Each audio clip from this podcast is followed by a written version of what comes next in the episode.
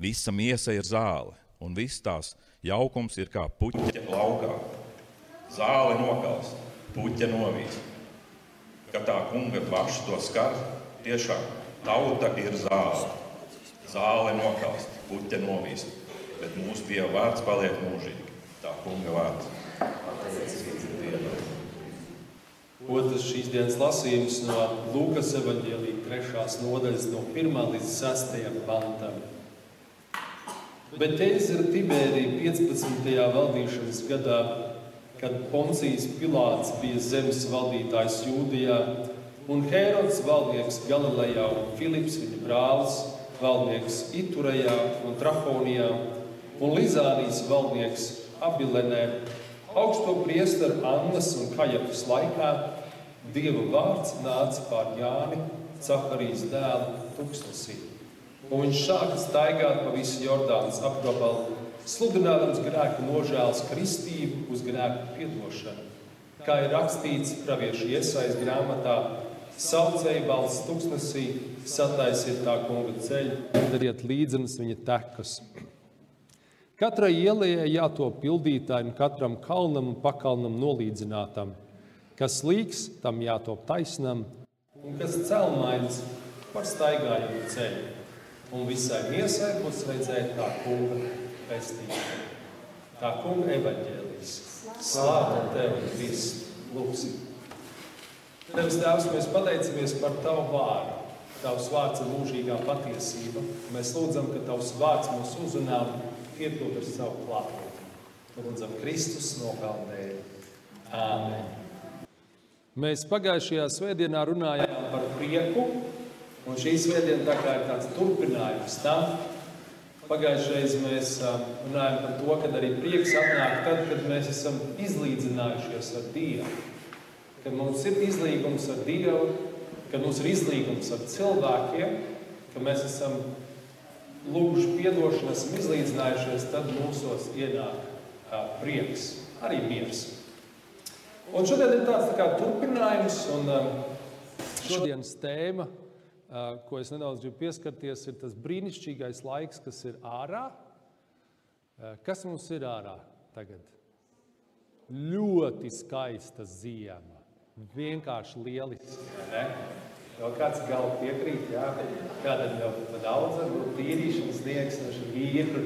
Es zinu vīrus, kas mājās tīra, un tad darbā tīra, un tad vēl kaut kur jātīra, un tad ir, ne? Bet, bet ko sniegs dara? Sniegs ir tas, kas, kā mēs dzirdam šajās rakstvietās, viņš aizlīdzina visas lietas. Viņš tā kā ar vēju palīdzību viņš aizpūš visas grambas, visas nelīdzenas. Ja mēs kādreiz braucam varbūt par grāmatas ceļu, tad kādreiz tur tāda redela izveidojusies. Un tad ir vajadzīgs greideris, kas nolīdzina. Bet, teiksim, sniega gadījumā sniegs vienkārši tā viss tā aizpildas. Nu, nu, kādreiz uz laukceļiem tāpat vēl ir kāds redels, bet kopumā sniegs tā smuki piepilda. Tagad redzēt, ka lauki ir tādi ļoti, ļoti skaisti līdzeni, balti, īpaši, kad brauc tālāk uz laukiem. Um, Tas sniega runājot, mums šodien arī ir viens, viens sniega vīrs ieradies šeit. Piec lieties, lūdzu, sniega vīru kungs. Mums ir viens sniega vīrs. Ar visu oranžo degumu. Viņš iejutās šajā lomā. Mēs nebijām saskaņojuši, bet viņš ir arī. Vai mums ir prieks par sniegu? Nu, tāda baigi klusie bērni jūs esat. Tiešām jums ir tik maziņš prieks par sniegu? Nē, lielāks taču, vai ne? Sniegs arī simbolizē tīrību un šķīstību. Mēs lasām Bībelē, ka ja mūsu grēki būtu sarkani kā purpurs, mēs varam teikt, sarkani kā asinis. Ja jūs esat iededzinājuši asinis sniegā, jūs zināt, kā viņš tur izskatās, ļoti spilgti izceļās. Tad Bībelē mēs lasām, Kaut jūsu grēki būtu arī sarkani kā asins, tie kļūst balti kā sniegs.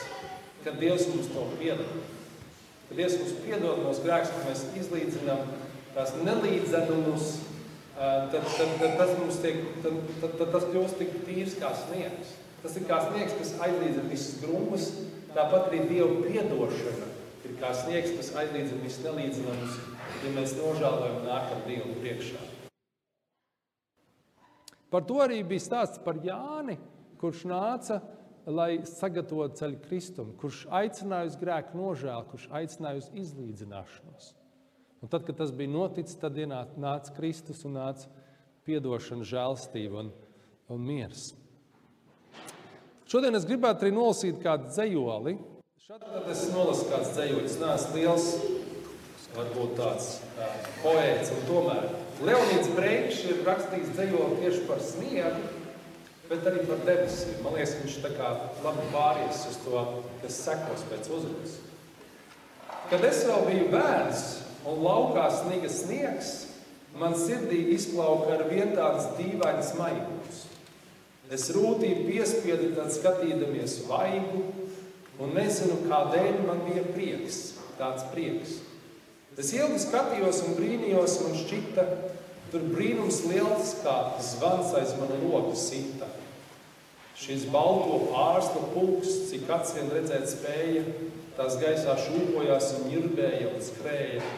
Un tad pilns dzīvības bija debesis, viss un gaiss, un mani satrauca šis krāšņums savādais.